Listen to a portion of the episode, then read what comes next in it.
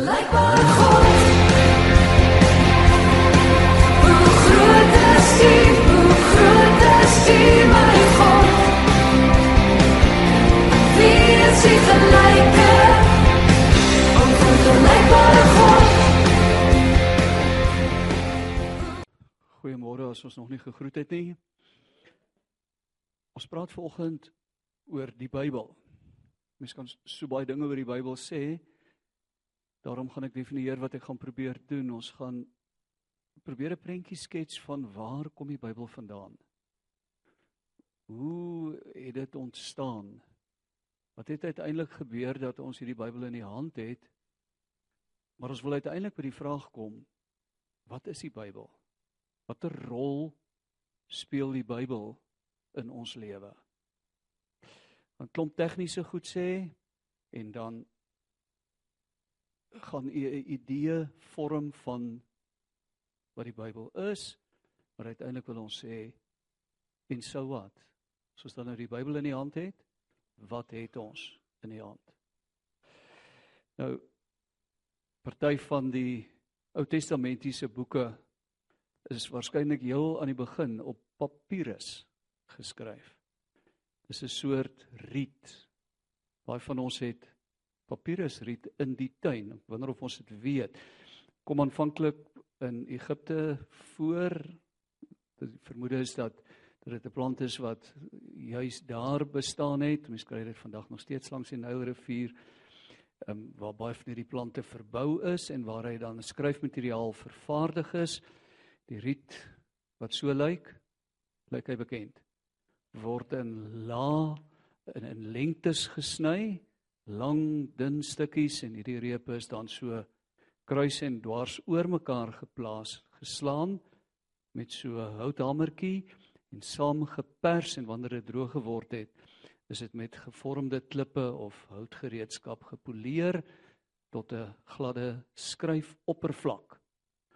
Um waar op 'n mens nie sommer maar net kan skryf nie. Dis 'n baie gladde oppervlak soos 'n mens nou kan dink as 'n mens na daardie plant se oppervlak kyk.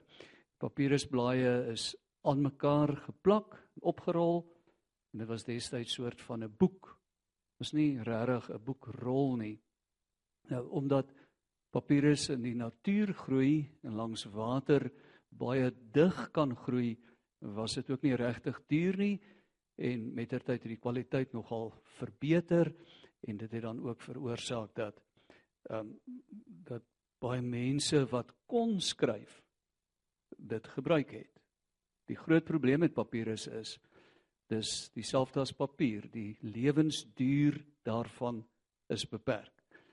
As as jy nou al in 'n argief gekom het, dan sal hulle vir u sê mens trek handskoene aan want daar's 'n vetterigheid aan jou vel. Dis juist daardie vetterigheid aan die vel. Selfs al is 'n mens se hande gewas is daar 'n vetterigheid aan. Dis daardie vetterigheid wat op die papier agterbly wat met die papier in reaksie tree en veroorsaak dat die dokument later vergaan. En in 'n argief as 'n mens dan nou geblaai het en al blaai jy hoe versigtig die bladsye skeur dit nog steeds maklik omdat dit hard en bros geraak het. En dis presies dieselfde wat met papierus gebeur het. Baie baie min van papierus het agtergebly. Om hierdie papierus te kon gebruik, is daar rietpenne met 'n skerp punt gebruik voordat die Griekse eystervarkpenne ge begin gebruik is en die inkt was gemaak uit koolstof. Maar waar sou 'n mens koolstof kry? In jou stoof. Ja, die roet wat agterbly wat met 'n dun gom gemeng is. vir belangrike en en daarsoos 'n idee van hoe dit gelyk het. vir belangrike en permanente geskrifte wat nie te lank was nie, is daar steen of klei tablette of houtborde gebruik. Klei wat behandel is en dan is daar figuurtjies daarop ingedruk en as dit nou hard geword het dan dan het dit nou agtergebly. Dit is uiteraard bietjie beter om bewaar te bly. Um dit word nie so deur die elemente vernietig nie. Die Jode het verkies dat afskrifte van hulle Torah nadat hulle nou uit die ballingskap teruggekom het, het die Torah, die die wet van Moses, die eerste 5 boeke, um vir hulle 'n al belangrike rol begin speel en hulle het verkies om uh, wanneer hulle dit in hulle sinagoges gebruik het, dit op diervel te skryf. Daar het jy nou 'n idee hoe lyk so 'n diervel. Um dis dis 'n gewone vel nou ek, ek gaan nou dalk my onkunde voor mense wat in die boerdery is uitstal maar dis 'n vel wat gebruik word en waarvan die vel waarvan die hare afgekrap word en dit word lekker sag gebrei en daar word op geskryf die duurste van die diervelle in daardie tyd en ek vermoed dit is nog steeds soos kalfsvelle. Um, 'n baie sagter vel blykbaar en um, baie waardevol en daar's sinagoges in in Europa, veral in Oos-Europa wat nog steeds 'n Torah het wat wat uit die vroeë middeleeue dateer en wat so op kalfsvel geskryf is. Nou kom ons sê ietsie oor die antieke mens wat byna sonder uitsondering ongeletterd was. Mense het geen behoefte gehad en ook geen geleentheid om te leer skryf nie. Of wat nodig was, jy moes net ver genoeg kon tel dat die Jood wat skape by jou gekoop het jou nie inloop nie. Jy moet net jy moet net so op jou vingers kan tel dat jy weet hoeveel hy vir jou moet gee van die sakke kos wat hy die die meel wat hy gebring het en vir soveel skape. Dit was nie regtig belangrik om te kon skryf nie. Die mense wat kon skryf was gewoonlik aan die hofhouding van die koning betrokke waar daar wel 'n behoefte aan so iets was. Nou die vroegste Israeliete en selfs die Jode ons maak die onderskeid van dat die twee stammeryk in ballingskap was, praat ons nie meer van hulle as Israeliete nie, maar as Jode. Ehm um, daar's 'n belangrike rede daarvoor. Sal onthou dat na Dawid se koninkryk, toe Salomo aan bewind kom, die ryk in twee geskeur het.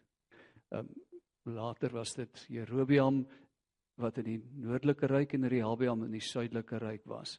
En uh, aanvanklik het hulle ook oorlog met mekaar gemaak. Dit het genadiglik opgehou, maar op 'n stadium in die in die uh, uh, einde van die 8ste eeu is die noordelike ryk deur die Nuwe-Assiriërs in ballingskap weggevoer. En die Nuwe-Assiriërs, skus as u nou al die storie ken, het hierdie mense wat hulle weggevoer het in verskillende provinsies geplaas, het families en die volk opgebreek en na verskillende provinsies gedeporteer waar hulle hervestig is.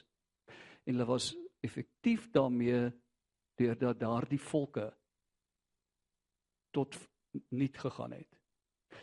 Mense het met mekaar ondertrou na ruk in hierdie nuwe provinsie waar hulle nuwe behuis waar hulle bly. Hulle is ver van hulle familie en so het nuwe volkere tot stand gekom.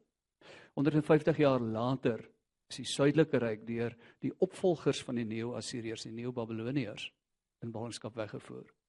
En die Neo-Babiloniërs het genadiglik nie so beleid gevolg nie.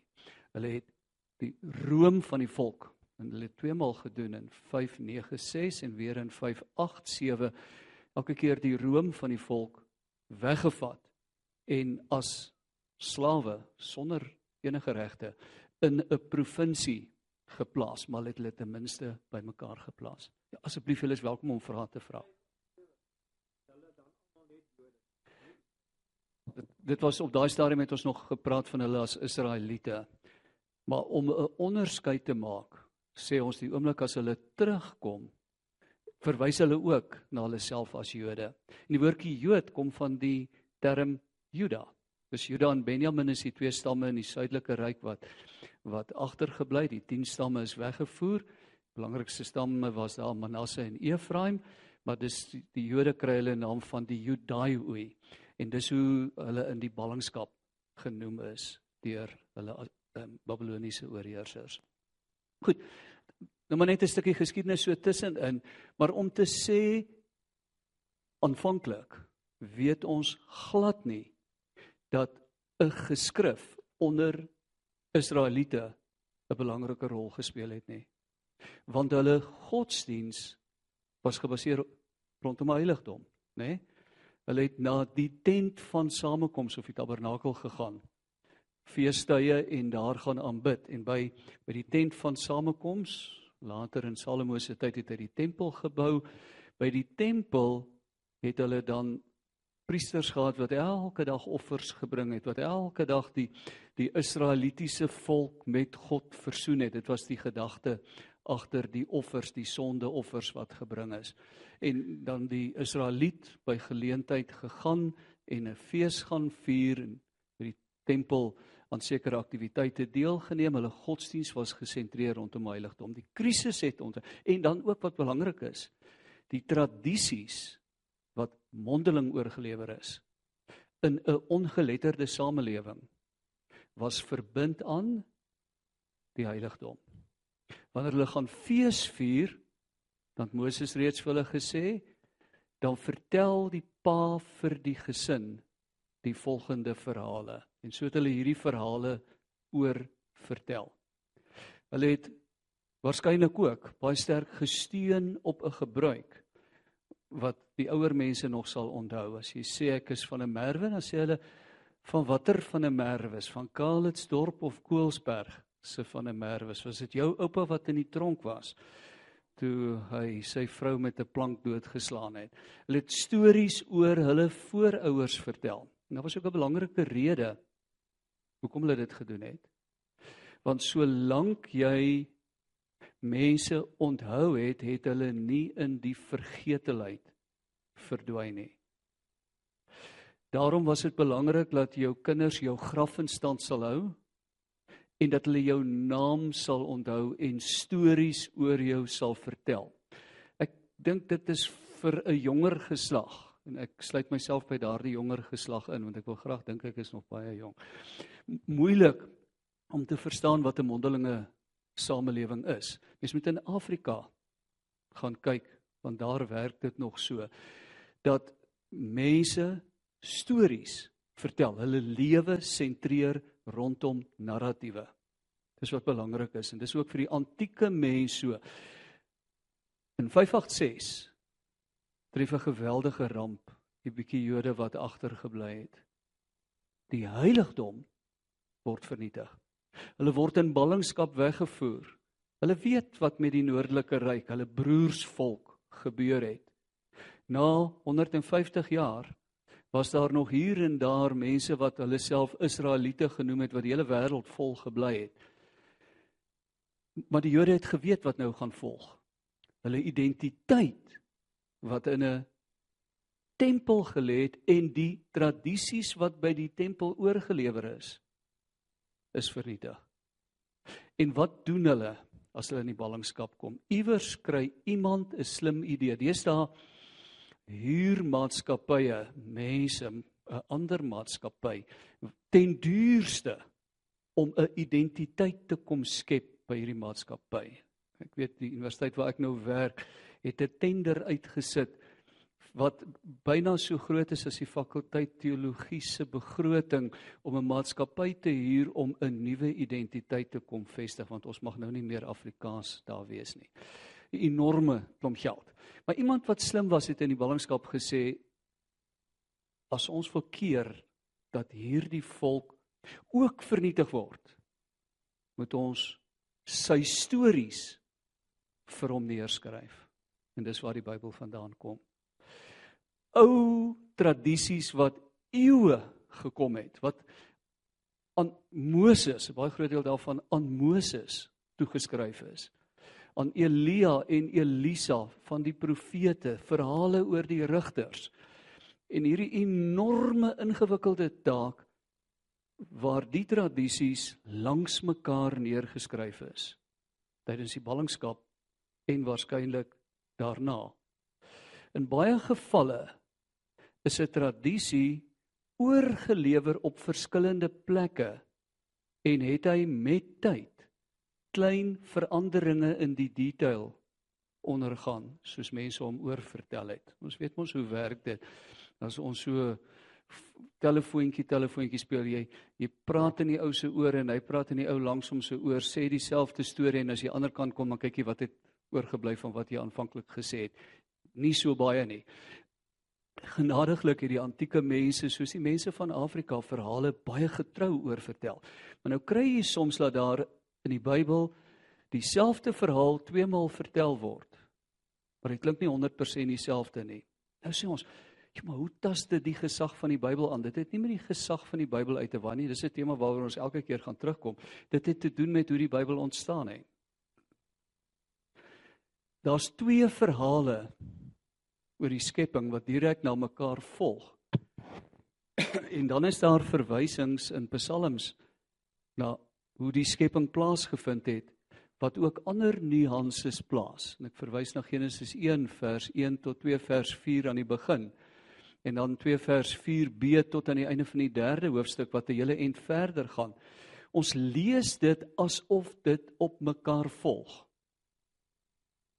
Dis natuurlik om dit so te lees.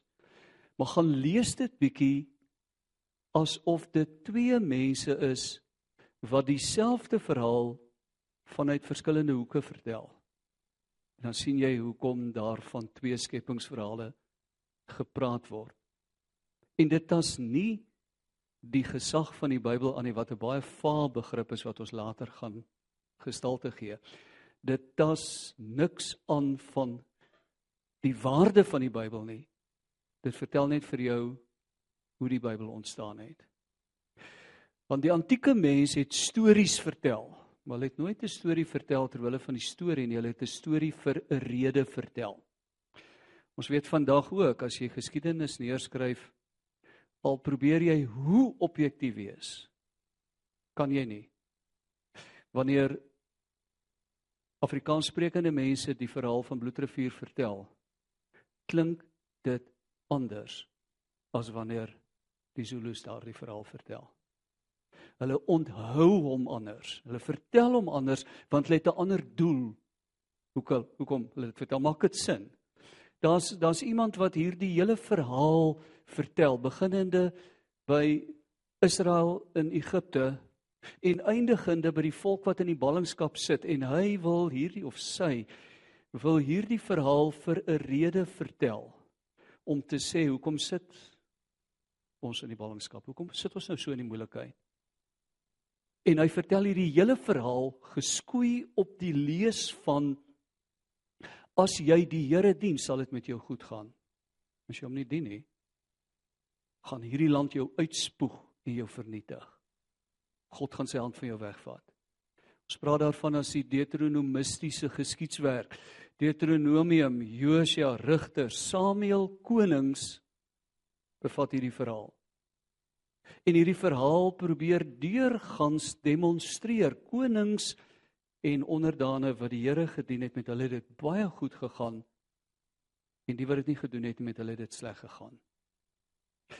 Nou het dit nie altyd in die geskiedenis so gewerk wat hierdie ou se resep vir hom gesê het nie. Maar dit was nie 'n groot probleem nie want dan het hy daai stukkie van die geskiedenis nie vir jou vertel nie. Hy vir jou net vertel met wie dit goed gegaan het wat die Here gedien het en met wie dit sleg gegaan het wat nie die Here gedien het nie, maar as dit omgedraai was, dan het hy gewoon net daardie inligting weggelaat. Want dit het nie sy verhaal gepas nie. Gelukkig was daar 'n ander ou wat vanuit 'n ander konteks presies dieselfde verhaal oor vertel. Kronieke, Esra, Nehemia.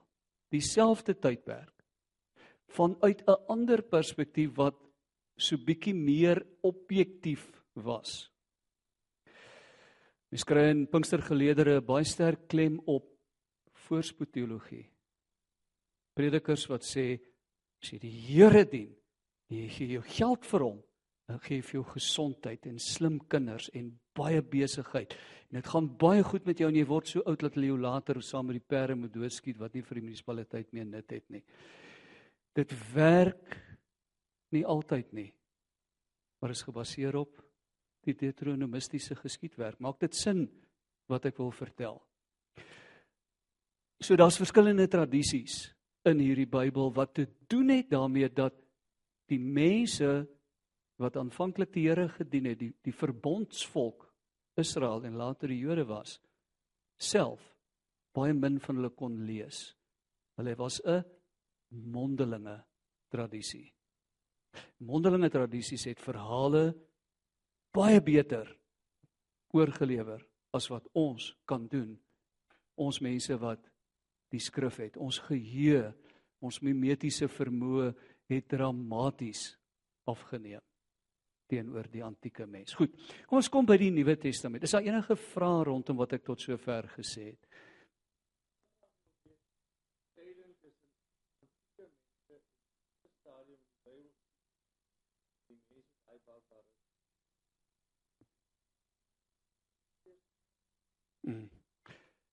Dit hang seker af wat 'n mens met barbarisme noem. Onthou die woordjie barbar is 'n Griekse woordjie wat verwys het na die mense rondom Palestina wat Aramees gepraat het in Jesus se tyd. Want elke ou wat hulle genoem het, het hulle genoem Simon bar Jona of Simon bar dit of bar dat, Simon die seun van. Dis waar die woordjie barbarisme vandaan kom. Barbarisme onder mense. Hoe sou 'n mens dit definieer? Want selfs in die middeleeue het vandale vanuit die Russiese steppe gekom en Europa oorweldig, die Romeinse ryk in die proses vernietig. Um, en hulle is barbare genoem. Nee, dit was al na Christus gewees. Hierso so by 5600. Ja, dit hang af hoe 'n mens die woordjie barbaar sou Kyk, ons is lief om te sê die ander is barbare, ons is ons is opgevoed. So. OK, maar kom ons kyk gou-gou dan na die Nuwe Testament, die die Nuwe Testamentiese dokumente. En kyk hierdie baie besondere een. Want wat sien u nou daarso? Dis Christus aan die kruis, nê? Nee, wat so op die bladsy oorgelewer is. Dis op rolle sowel as kodekse geskryf in Jesus se tyd het iets voorgekom wat nooit voorheen gesien is nie.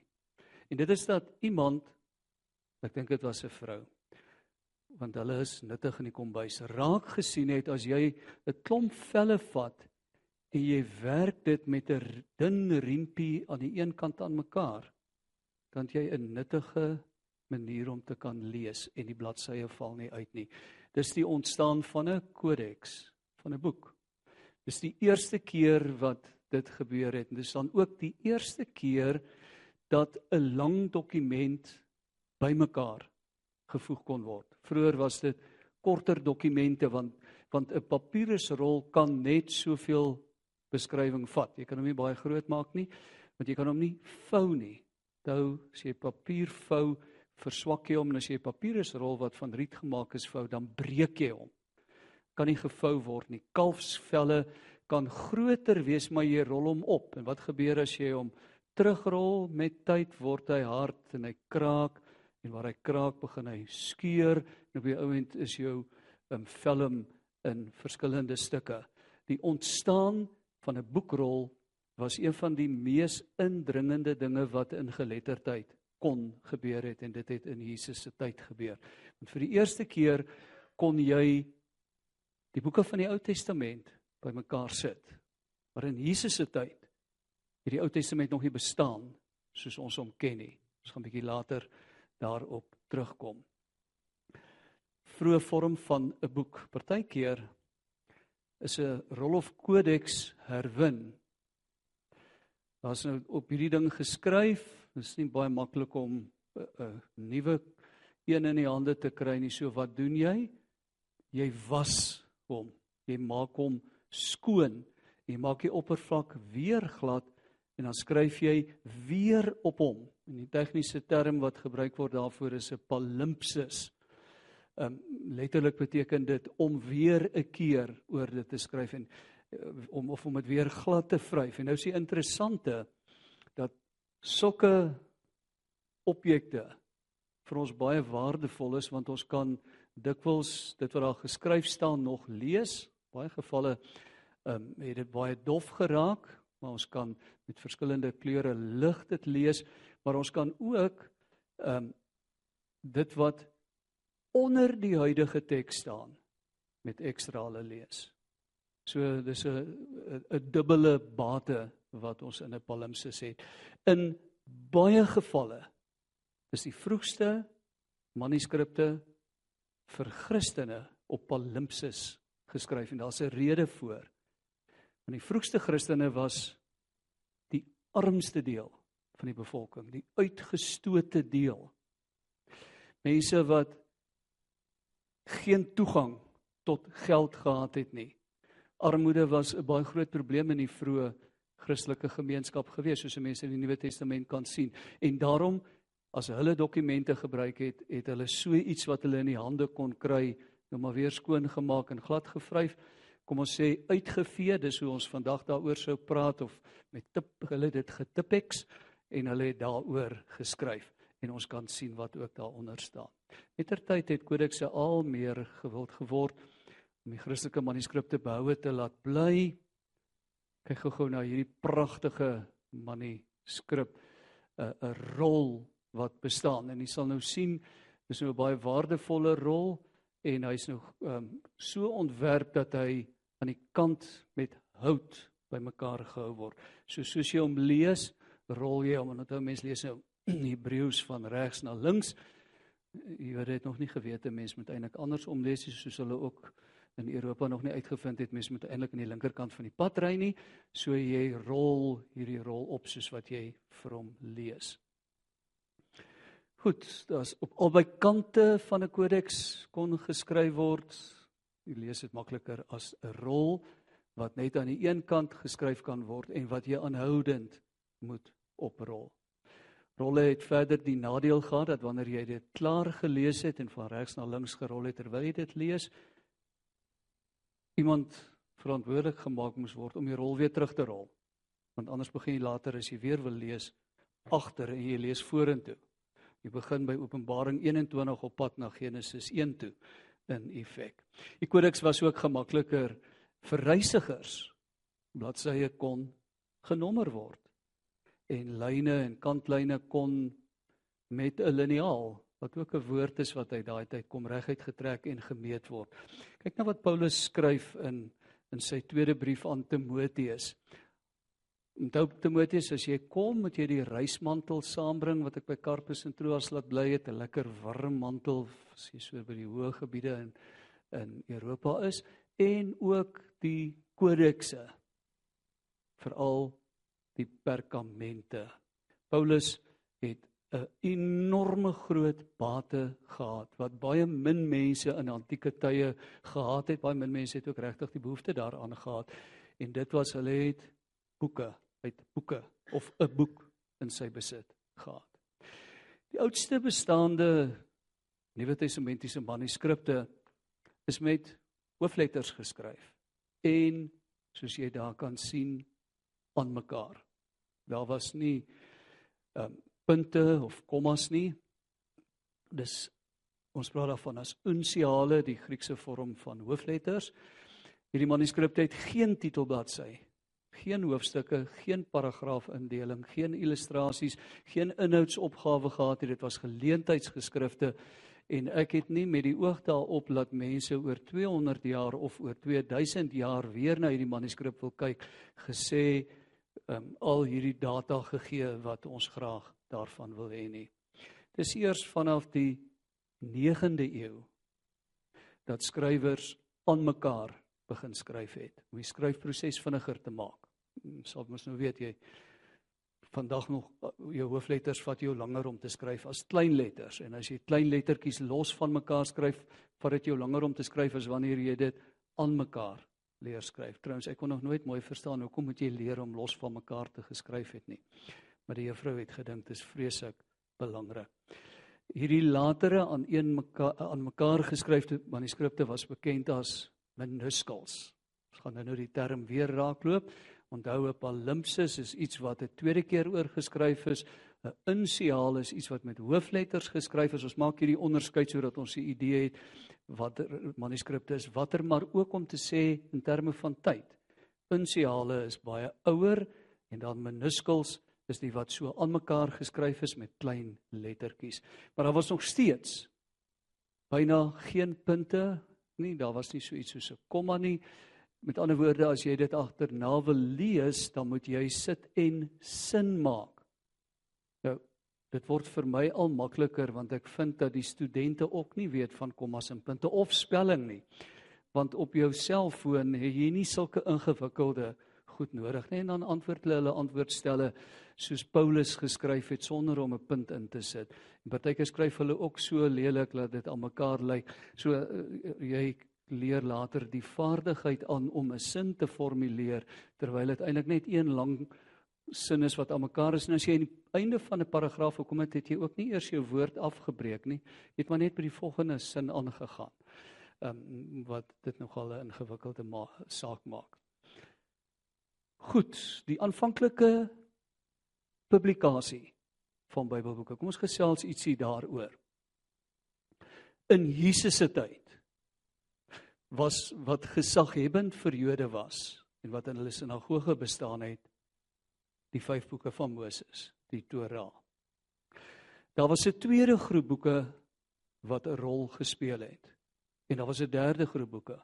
Die tweede groep boeke het die Jode beskou dis kommentaar op Moses. En die derde stel boeke is kommentaar op die tweede stel boeke.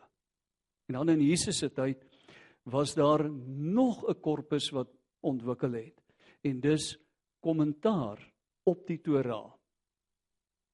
Ek praat van die drie dele van die Joodse kanon, die Torah, die Nevi'im en die Ketuvim en hulle noem hulle Bybel te Naak, Torah, Nevi'im, Ketuvim te Naak, dis drie dele en die Nevi'im bestaan uit die profeteboeke. Maar die volgorde waarin ons Bybel is, is nie die volgorde waarin die Joodse kanon is nie. Ons eerste 5 boeke stem met hulle sin ooreen. Maar die profete boeke vir hulle is Samuel konings. Hoekom profete boeke? Omdat Elia en Elisa omdat profete 'n belangrike rol daarin speel. En dan die groot skrifprofete Jesaja, Jeremia, Esegiel en dan 11 van die 12 profete boeke Daniël val in die derde deel van die kanon die geskrifte. Die klein profete is dan deel van die profeteboek. Die derde deel van die kanon met minder gesag is dan wat ons ken as die wysheidsboeke en die ander boeke wat hiermee saam agtergebly het, Rut en um, Esra en Nehemia, natuurlik Psalms, Spreuke, Hooglied, Prediker oor Hooglied en oor Prediker het die Jode lank met mekaar baklei of dit enige waarde het om dit te hê. En as 'n mens die boeke lees, dan sal jy ook aan agterkom hoekom dit nogal vir hulle 'n vraag was wat die waarde daarvan was. Maar die Joodse kanon met hierdie drie deling en die boeke soos wat ons Ou Testament vandag is, is waarskynlik eers in die 2de eeu na Christus vasgestel. Ons het vir baie lank gesê by 'n sinode in Jamnia in 110 na Christus is die Joodse kanon vasgestel. Daar was 'n skool in Jamnia, 'n rabbynse skool wat baie beroemd was, maar daar's geen bewys dat so 'n sinode gehou is nie. Al wat ons kan aflei is dat van die 3de eeu na Christus Jode van 'n kanon praat waarin sekere boeke voorkom waar hulle met mekaar ooreenstem. Dit is belangrik dat 'n mens dit in jou kop sal hou. Ons gaan later terugkom na hierdie issue, hierdie saak van die kanon. Die Nuwe Testament het nie bestaan in die vroeë kerk se geskiedenis nie tot in die 2de eeu. Die vroeë Christene het niks neergeskryf nie. Wat het hulle verwag? Dat die Here terugkom binne hierdie geslag. Daar was nie tyd om boekies te maak nie. Jy moes die evangelie gaan verkondig tot aan die einde van die wêreld want as die Here terugkom is die mense wat nie die boodskap, die goeie nuus van Jesus Christus gehoor het nie verlore. So hulle het nie hulle tyd spandeer nie. Dis as die eerste apostels begin sterf dat Christene besef die verhale wat hulle oor Jesus vertel het sterf saam met hulle. Dis iets wat in die kerk ook gebeur. Elke keer wat een van die ou mense in die kerk sterf, dan sterf 'n stuk van die institusionele geheue oor wat in die kerk gebeur het saam met hulle. En as ons slim was, het ons hierdie mense hulle stories vir ons laat vertel en neerskryf. Gelukkig was daar evangeliste wat dit gedoen het. Mense wat Petrus en Johannes en en van die ander disippels van Jesus se verhale oor Jesus want hulle was tog na alles ooggetuies neergeskryf het.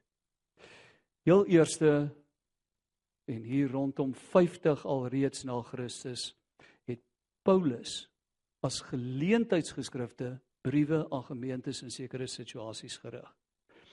Hier rondom die vernietiging van Jerusalem het Markus sy evangelie geskryf, Lukas en en ehm um, Matteus se evangelies is duidelik op Markus gebaseer. Hulle het na die vernietiging van die tempel en Johannes het dan heel laaste sy evangelie saam met uh, die boek Openbaring geskryf. Hy het ook drie briewe geskryf.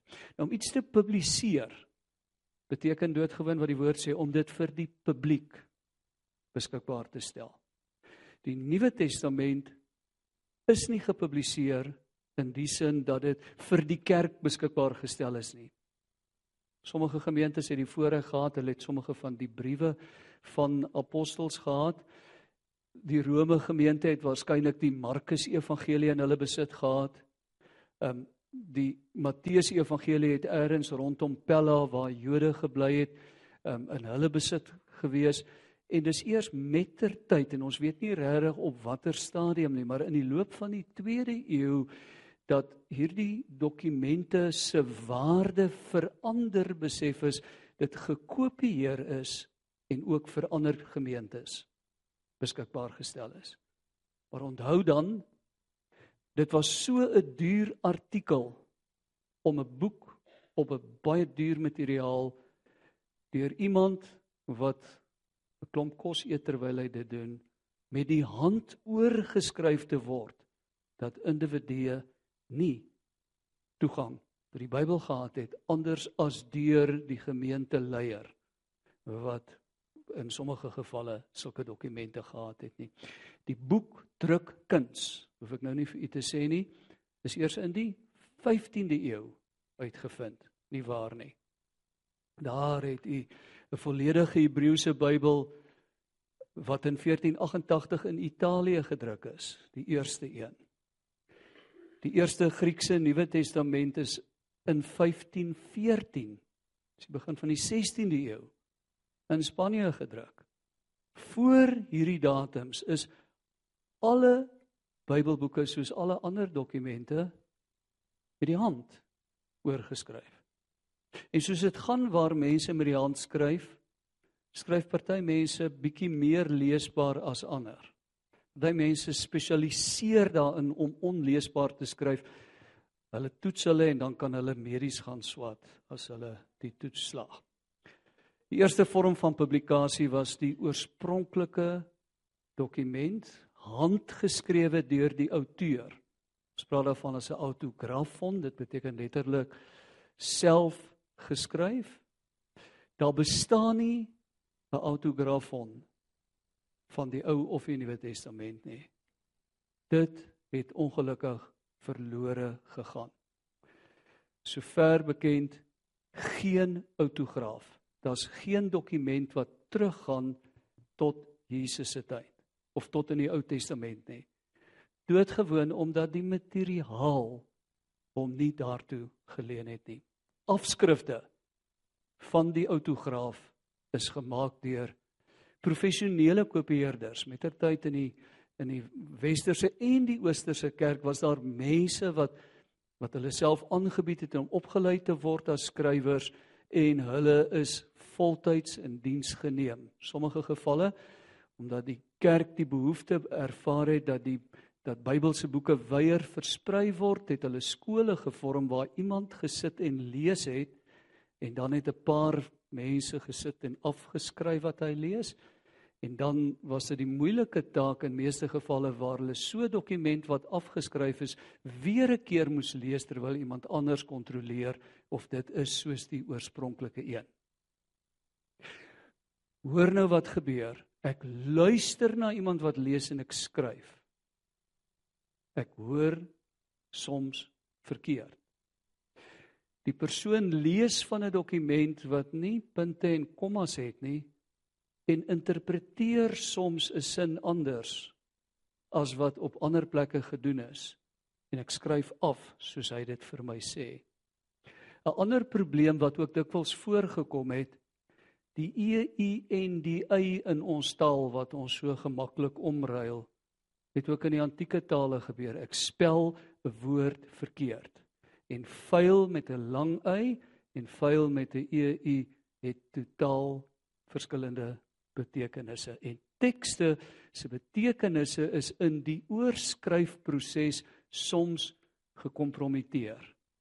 En dit het veroorsaak dat manuskripte bestaan oor een teks wat verskil. Daar's variante. Dis waar daardie woordjie dan 'n belangrike rol speel. Maak dit sin? Elke nuwe afskrif moet sorgvuldig en moeitevol met die hand oorgeskryf word. Goed, mettertyd het het die kuns ontwikkel in die kerk omdat die Bybel in die kerke al belangrike rol begin speel het veral die westerse kerk en het top oorskrywers, skribas ontwikkel. Mense wat beroemd daarvoor geraak het dat hulle nie net verskriklik mooi geskryf het nie, maar dat hulle ook baie getrou die teks oorgelewer het. Daar het jy 'n manuskrip wat met die hand geskryf is. Dit lyk mooier as 'n gedrukte Hebreëse manuskrip.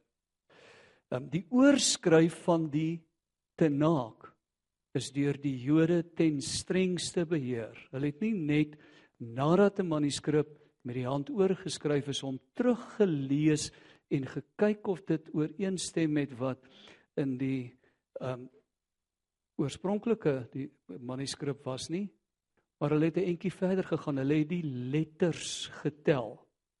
Gelukkig daardie stadium in Hebreëus het hulle nog net die konsonante gebruik.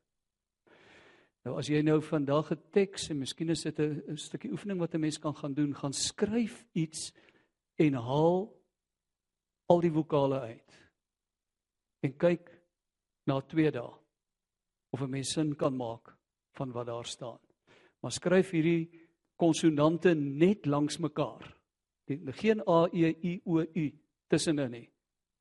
En kyk hoe moeilik is dit om dit te interpreteer. Jy kry dit later geïnterpreteer, veral as jy dit self geskryf het.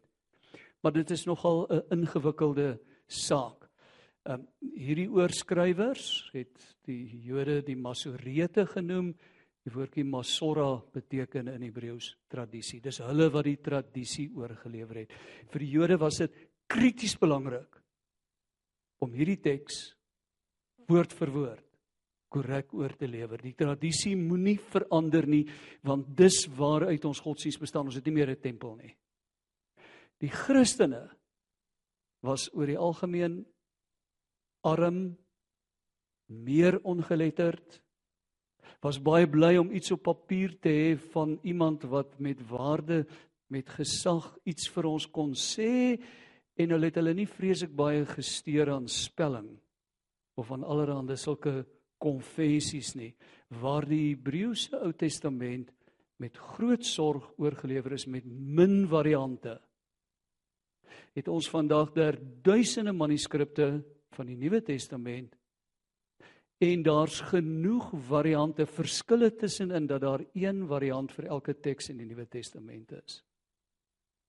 In baie gevalle in die oorweldigende meerderheid van gevalle is dit redelik maklik om sin te maak en te sê weet jy wat hierdie variant of variante in sommige gevalle is daar 5 en 8 variante op 'n sekere woord.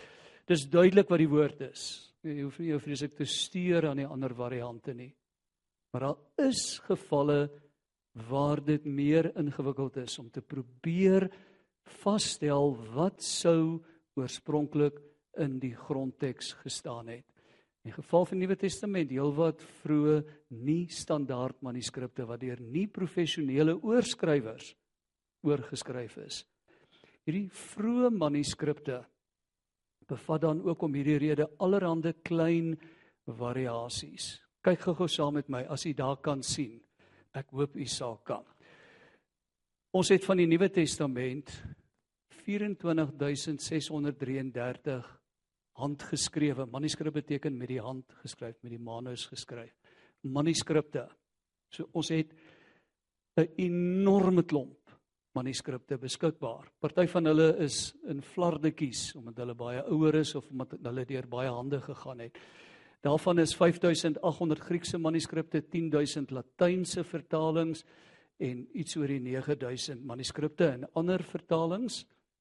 Syries, Slawies, Goties, Ethiopies, Kopties wat in Egipte is, Armenies wat in Rusland is. Daar kom ook 36000 aanhalinge uit tekste by die vroegste kerkvaders, die mense wat in die vroeë kerk na die apostels hulle idees op skrif geskryf het, kom daar so baie tekste voor. In baie gevalle is dit preke wat hulle neergeskryf het. So ons het 'n enorme verteenwoordiging van tekste wat ons kan help om te bepaal wat in die Nuwe Testament staan. In totaal bestaan daar 400 000 variante tussen manuskripte van die Nuwe Testament. Ek het nou gesê daar's nie so baie tekste nie, maar in baie gevalle is daar meer as een variant. Wat ek wils gebeur het, iemand het 'n fout gemaak as hy 'n woord oorskryf. En dan iemand wat agterna dit oorskryf, sien die fout raak want dit maak nie sin nie en verander dan die betekenis sodat dit sin maak. Maar verander dit op 'n ander manier as wat dit oorspronklik gestaan het omdat jy nie weet wat oorspronklik daar gestaan het nie. Wat in baie gevalle gebeur het.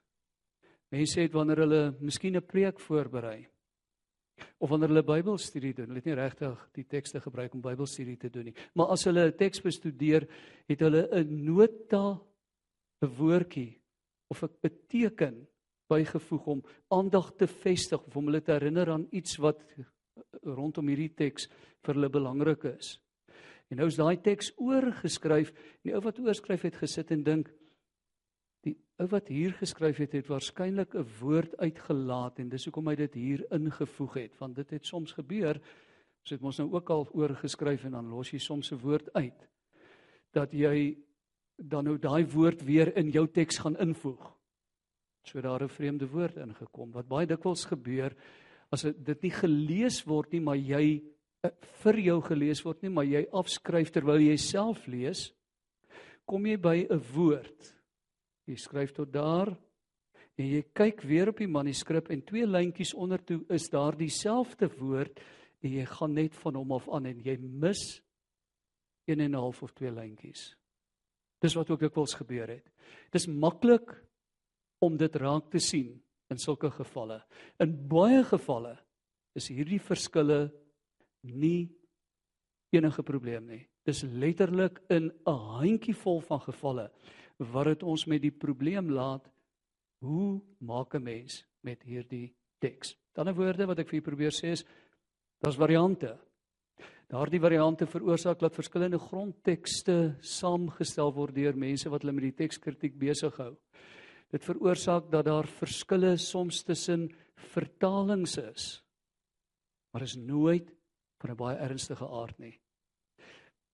Johannes Calvin het ook met twak gepraat, maar het iets gesê wat waar is. Hy sê solank jy onthou dat dit in die Bybel gaan daaroor dat God hom aan mense openbaar besonder deur Jesus Christus met die doel dat hulle hom leer ken as hulle saligmaker gaan jy nie struikel oor ander goed in die Bybel wat jy nie verstaan nie.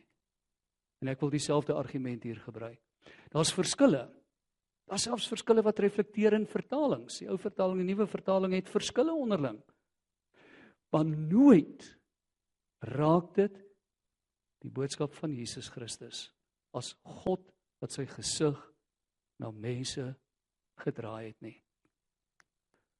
Goed, Daar's 10000 plekke in die Hebreëse Bybel wat geraak word deur daai 400000 variante en daar's 400 woorde maar maar die akkuraatheid waarmee ons die grondteks kan vasstel met sekerheid sover die Nuwe Testament betref is 99.8%.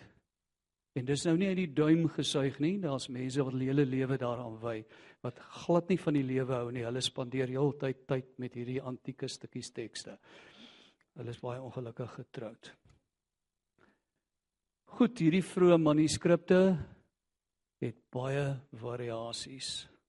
Dit lyk of plek plek asof die Nuwe Testamentiese oorskrywers opsetlike kleiner veranderings aangebring het, meestal om moeilike frases meer verstaanbaar te maak.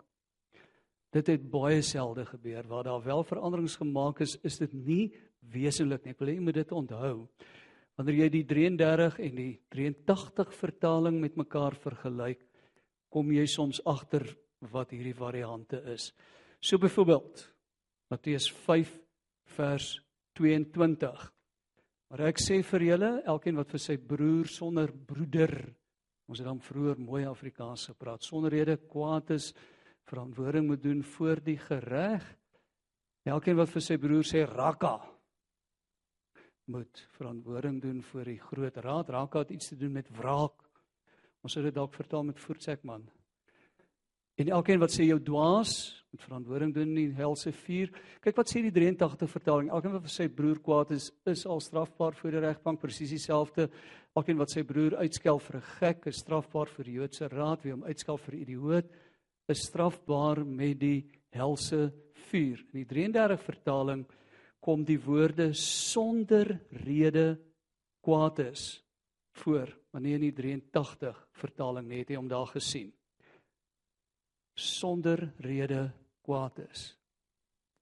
Die 83 vertaling laat daardie woorde uit.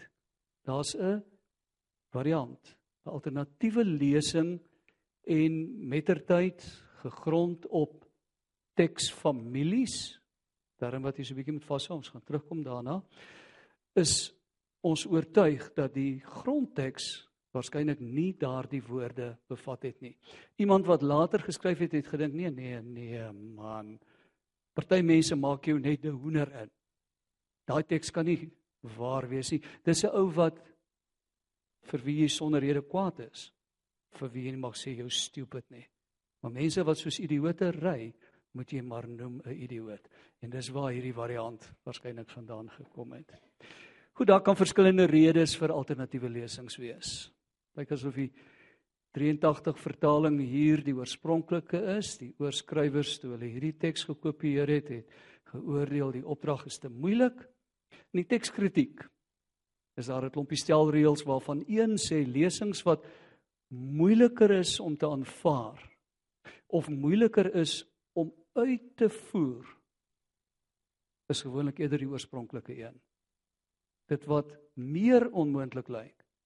Want as jy dit oorskryf, gaan jy dit nie moeiliker maak nie.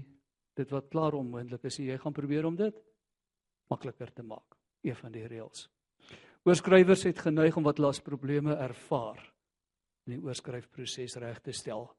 By uitsondering maar dit lyk of dit soms voorgebeur het. Die 83 vertaling het plek plek voetnote. Ook om te motiveer waarom 'n gedeelte wat in die 33 vertaling voorkom weggelaat is. Hier's Markus 15. Hulle het twee rowers saam met hom gekruisig, een aan sy regter en een aan sy linkerkant. Kyk gou-gou na wat daar gebeur. Die skrif is vervul wat sê en hy's by die misdadigers gereken kyk in die 83 vertaling geen vers 28 nie. In die Bybel is daar egter 'n voetnota wat sê 1528 daarmee is die skrifwoord vervul wat sê hy as misdadiger beskou. Waar kom dit voor? Sommige manuskripte het dit bygevoeg Ook hier kan mens aanneem dat die beter lesing deur die 83 vertaling gevolg is vir die eenvoudige rede dat die persoon wat hier oorskryf onthou waar 'n teks voorkom wat hierdie verhaal ondersteun vanuit die Ou Testament Jesaja 53 en een van hulle het dit bygevoeg. Maar daar's 'n ander rede hoekom ons 'n teks kies wat hierdie vers uitlaat want 'n teksfamilie wat baie autentiek is, wat baie oud en baie eg is, het dit uitgelaat en ons gebruik dikwels dit as 'n riglyn om dit te doen. So u kry die idee dat 'n mens hier met 'n wetenskap te doen het wat bedryf word deur mense wat hulle hele lewe daaraan wy om met hierdie verskille saam te leef. En mense sal nou dink dis nou afgehandel, maar daar's nog steeds mense wat hulle daarmee besig hou. Goed, kom ons gaan gou nog na 'n volgende onderwerp. En dit het te doen met die tale waarin die Bybel oorgelewer is. Ek weet, u weet dis Hebreëus en Aramees. Die Arameese gedeeltes in die Ou Testament is maar min Genesis 1 vers, Jeremia 1 vers. Interessant genoeg.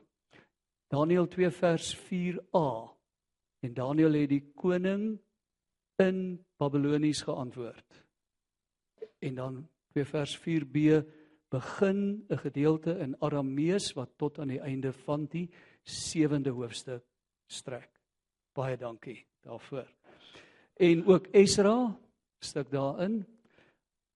Albei tale, Hebreëus en Aramees behoort tot die Semitiese taalgroep. Kenmerkend van albei is dat hulle alfabet gebruik wat slegs uit konsonante bestaan en dat jy Aramees ook heel gemaklik met die Hebreëse alfabet kan oorskryf wat gebeur het, die volk is in ballingskap aan Aramees blootgestel. Dit was die lingua franca van die dag, die algemene taal, selfs voor die ballingskap as hulle met die ehm um, Assiriërs en later die Babiloniërs wou praat, moes hulle ryks Aramees gebruik. Dis dis 'n amptelike dialek wat by die um, aan die koninkryk aan die koninklike hof gevolg is. As die volk uit ballingskap terugkom begin hulle al meer in Aramees kommunikeer ook met mekaar. En teen die tyd dat Jesus op aarde verskyn, is daar geen Jood wat Hebreëus praat nie. Hulle kan hom lees, die wat kan lees en die wat spesiaal Aram Hebreëus kan lees, lees hom in Hebreëus. Maar nooit weer iewers tussen die ballingskap en Jesus se tyd Waarskynlik alreeds in die 4de eeu het Hebreëus as 'n gesproke taal verlore gegaan. Nooit weer het 'n Jood Hebreëus gepraat nie tot in 1948 as die Joodse staat tot stand kom en die Joodse regering as 'n daad van geloof sê die nuwe taal van hierdie land is Hebreëus. En Hebreëus wat Jode vandag praat klink waarskynlik nie soos die Bybelse Hebreëus. Die die uitspraak is waarskynlik nie dieselfde nie. Ons het nie idee hoe die uitspraak oorspronklik was nie. En in elk geval telefoon is 'n Hebreëse woord en kafee is 'n Hebreëse woord. Jy gaan vers soek in die Ou Testament om die telefoon en die kafee daar te kry sodat heelwat nuwe woorde ook ontstaan. Dit sommer net iets terloops, maar ek dink dis dis belangrik dat 'n mens sal weet die taal van die grootste van die oorweldigende deel van die Ou Testament is 'n taal wat vir 23 eeue nooit gepraat is nie. Dis 'n taal wat bloot net intellektueel bestaan, presies dieselfde as Latyn vandag, nie waar nie. En in die proses dat mense die taal nie meer gepraat het nie, het woorde wat selde gebruik word se betekenisse onseker geword. En dit lei ook soms tot verskille tussen vertalings. Veral Esegiel wat woorde gebruik het wat wat by 'n psigiatriese kliniek hoort. Kyk, Esegiel was nie jou ordinêre profeet gewees nie. Hy's 'n psigiater se nagmerrie of droom hoe hy opgetree en Daniël Daniël is 'n baie laat boek, waarskynlik die laaste van die boeke in die Ou Testament geskryf en gebruik woorde wat vir ons baie baie moeilik is om te weet wat daar gebeur. Tot met die koms van die boekdrukkuns het ons nou herhaaldelik gesê teksoorlewering geskied by wyse van handgeskrewe afskrifte of manuskripte. Kyk hierdie pragtige gemeenskapsrol wat by Qumran ontdek is, waarskynlik die 2de eeu voor Christus met die hand op vellum geskryf. Daar was by elke afskrif altyd die moontlikheid van 'n afwyking in terme van spelling, terme van 'n woord wat uitval, 'n woord wat bykom, 'n woord wat verkeerd geïnterpreteer word. Dit was altyd so. Dit het daartoe gelei dat Joodse geleerdes vroeg al aandag begin gee aan maniere om 'n korrekte en eenvormige teksoorlewering te verseker. Iets wat soos wat Aramees die omgangstaal geword het, al belangriker geword het. Later is letters, woorde, paragrawe getel. Die getalle is in die kantlyn of aan die einde van 'n boek aangeteken. Verder is 'n verskeidenheid tekens in of langs die teks gebruik om die aandag op verskillende sake te vestig sodat eh, om 'n Hebreëse grondteks wat saamgestel is vandag te lees 'n kuns is wat 'n mens moet aanleer. Daar's 'n enorme klomp tekens en simbole wat jy daarmee saam moet leer. Net ook die antieke mense het ook inhoudelike sake en woordbetekenis aandag gegee. Um van besondere belang is is korreksies en weglatings wat te doen het met gevalle waarna die mening van die Joodse geleerdes die teks gekorrigeer moes word. Daai teks is nou nie verskriklik baie duidelik nie, maar jy gaan tussenin sien dat daar simbole voorkom. En daardie simbool is 'n tipe van 'n verwysing na 'n voetnoot of 'n verwysing in die kantaantekening waar gesê is hierdie teks kan dalk ook op die volgende manier um, weergegee word of dit lyk of hier dalk 'n woord uitgeval het of hier 'n woord bygevoeg is. Met ander woorde, latere oorskrywers het die teks presies so behou. Hy het nie meer vir hulle oral sin gemaak nie. En dan het hulle verskillende voorstelle ingebou om sin te maak. Maar hulle was slim genoeg om dit nie in die teks te sit nie, maar dit buite die teks te hou. Terwyl Christene as 'n teks vir hulle nie sin gemaak het nie, hulle hom verander het. Dit was nie vir hulle 'n saak nie. Want wat belangrik was was om die boodskap van hierdie boek oor te dra en nie om die boek noodwendig woord vir woord oor te dra. Aan die ander woorde, Christene en Jode het anders oor antieke tekste gedink.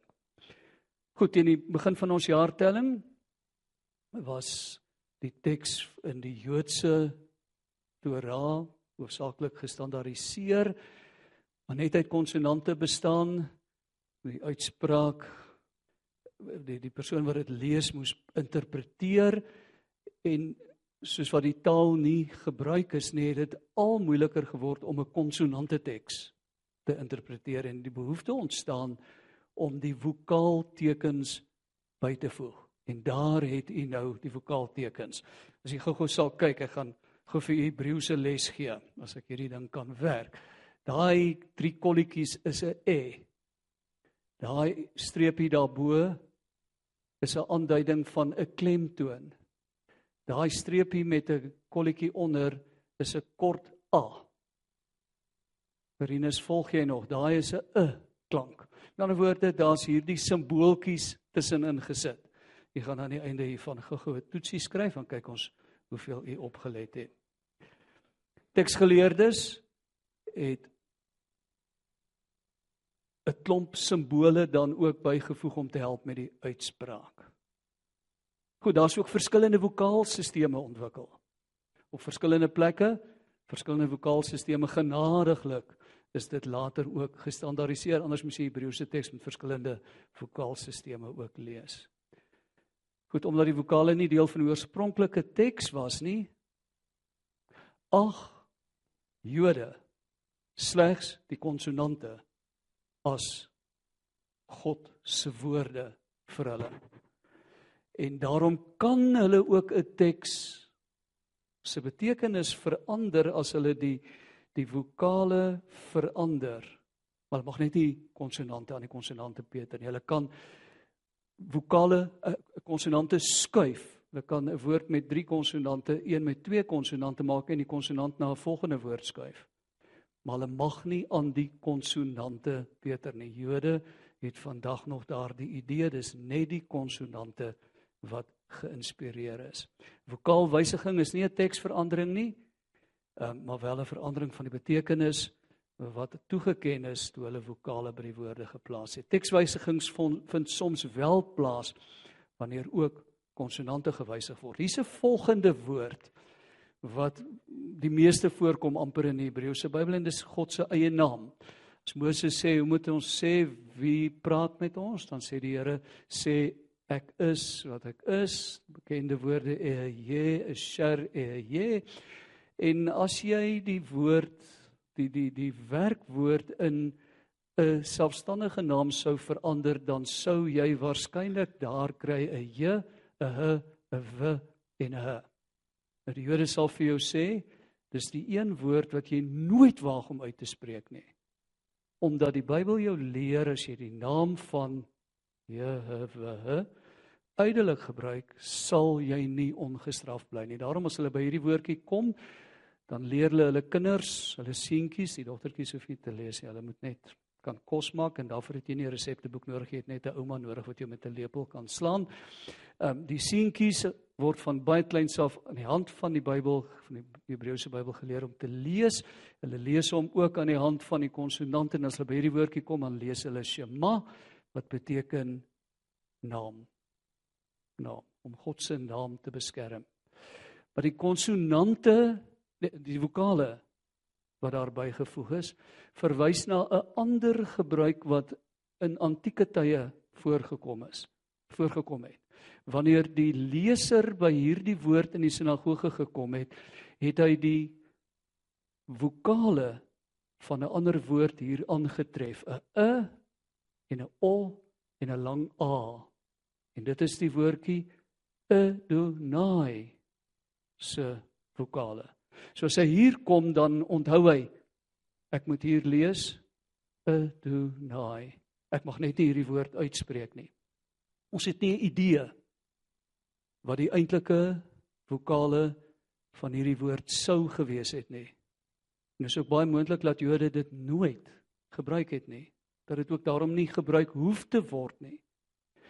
Wat ons wel weet, dit sou nie Jehovah gewees het soos wat dit in die King James Bybel en sommige van die ou vertalings weergegee is nie.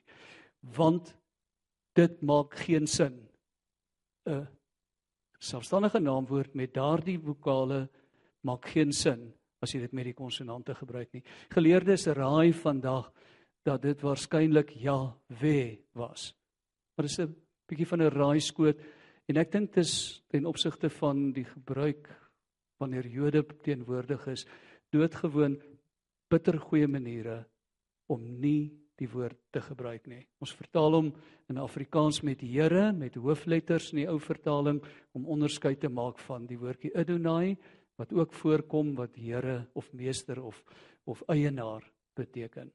Dit maak sin nê. Nee, ons het nou al as gemeente het jy al nou daaroor 'n paar keer gehoor. Vind soms plaas dat verskillende Hebreëse konsonante met mekaar verwar word. Hierdie is nou baie netjies geskryf. Maar u kan nou sien dat daardie enetjie daar saam met daai enetjie word 'n h, daai enetjie alleen word 'n r, maar daai is 'n w. En as jy nou vinnig skryf, dan verwar jy baie maklik daai twee met mekaar. Die h en 'n r en 'n w lyk so naby aan mekaar en party mense se Sanskrief is in elk geval onmeetbaar sleg en dis waar daar ook dikwels foute gekom het. Kyk gou-gou. 1 Kronieke 1 vers 6, die geslag van Gomer, Askenas, Rifat en Togarma.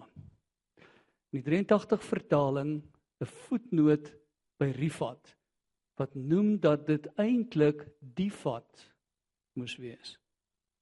'n R lyk so. Kom ons gaan gou-gou terug. Maak ons gou-gou eh, daarvan 'n demonstrasie. Daai is 'n r sonder daai enetjie daar, dis 'n r 'n d lyk presies dieselfde behalwe dat daai streepie net so klein entjie verder trek. Om 'n r en 'n d met mekaar te verwar is een van die maklikste goed wat jy in Hebreëus kan doen dat die letters d en r in die grondteks baie dieselfde is. Maar ons weet uit Genesis 10 vers 3 dat dit eintlik die vat moet wees. Goed. Maak dit enigsins 'n verskil in ons heil? In die oorweldigende meerderheid van gevalle geen saak daar rondom nie. Kom ons kyk net vinnig vir 'n paar sekondes en ek gaan hiermee afsluit. Gaan ons eers gou-gou tee drink belangrikste Hebreëse manuskripte is die Codex Leningradensis wat in Leningrad in Rusland is in Sint Petersburg die jaar 1008 met die hand oorgeskryf. Een van die mooiste geskrewe manuskripte en dis een persoon wat die hele manuskrip moes geskryf het want dit is een persoon se handskrif. Dit is die werk van 'n leeftyd. Ehm um, en die bekendste manuskrip wat ons gebruik as ons 'n teks probeer vertaal is die Biblia Hebraica Stuttgartensia en dis hoofsaaklik gebaseer op die Codex Leningradensis. Maar hoor nou, dit kom uit die jaar 1008.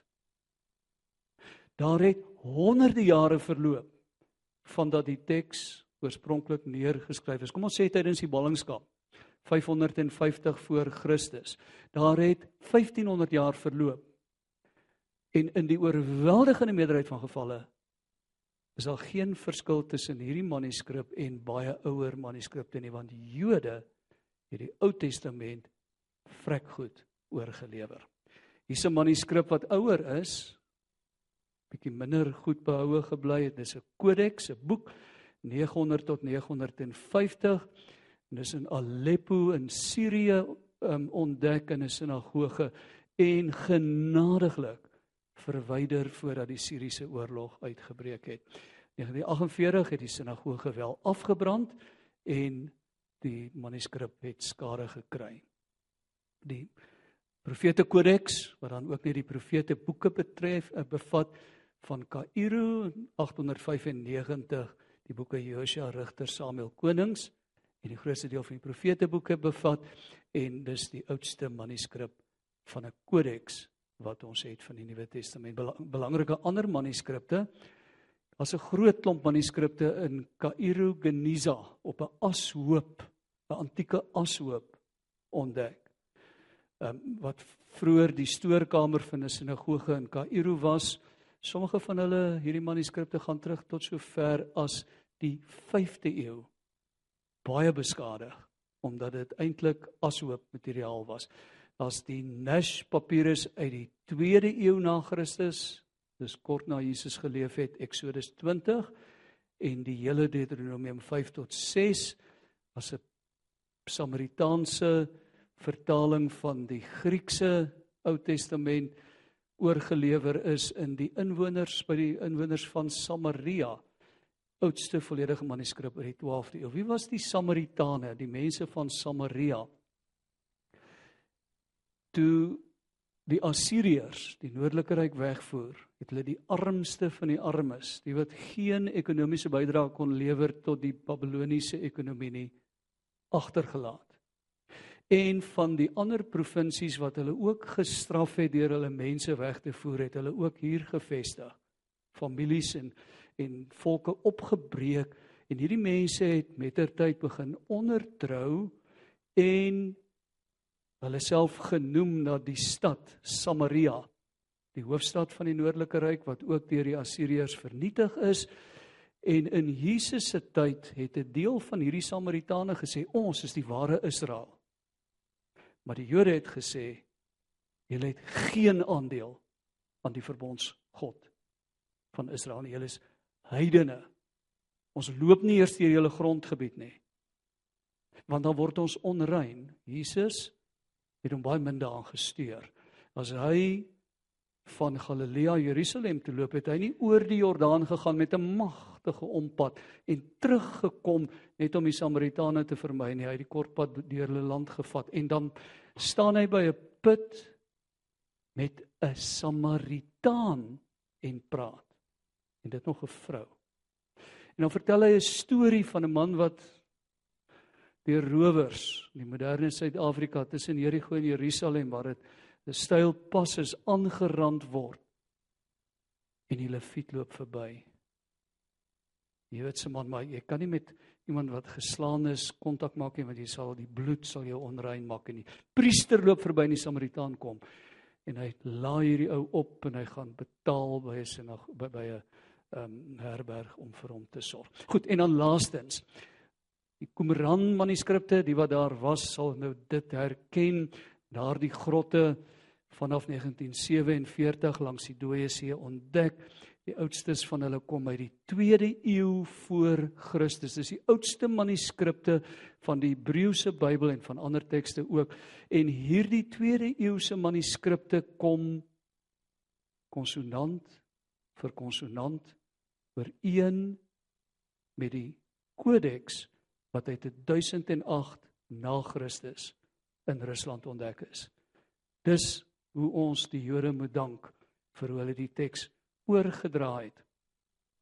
Hierdie ontdekking het vir die eerste keer manuskripte aan die lig gebring wat meer as 1000 jaar ouer is as die Codex Leningradensis.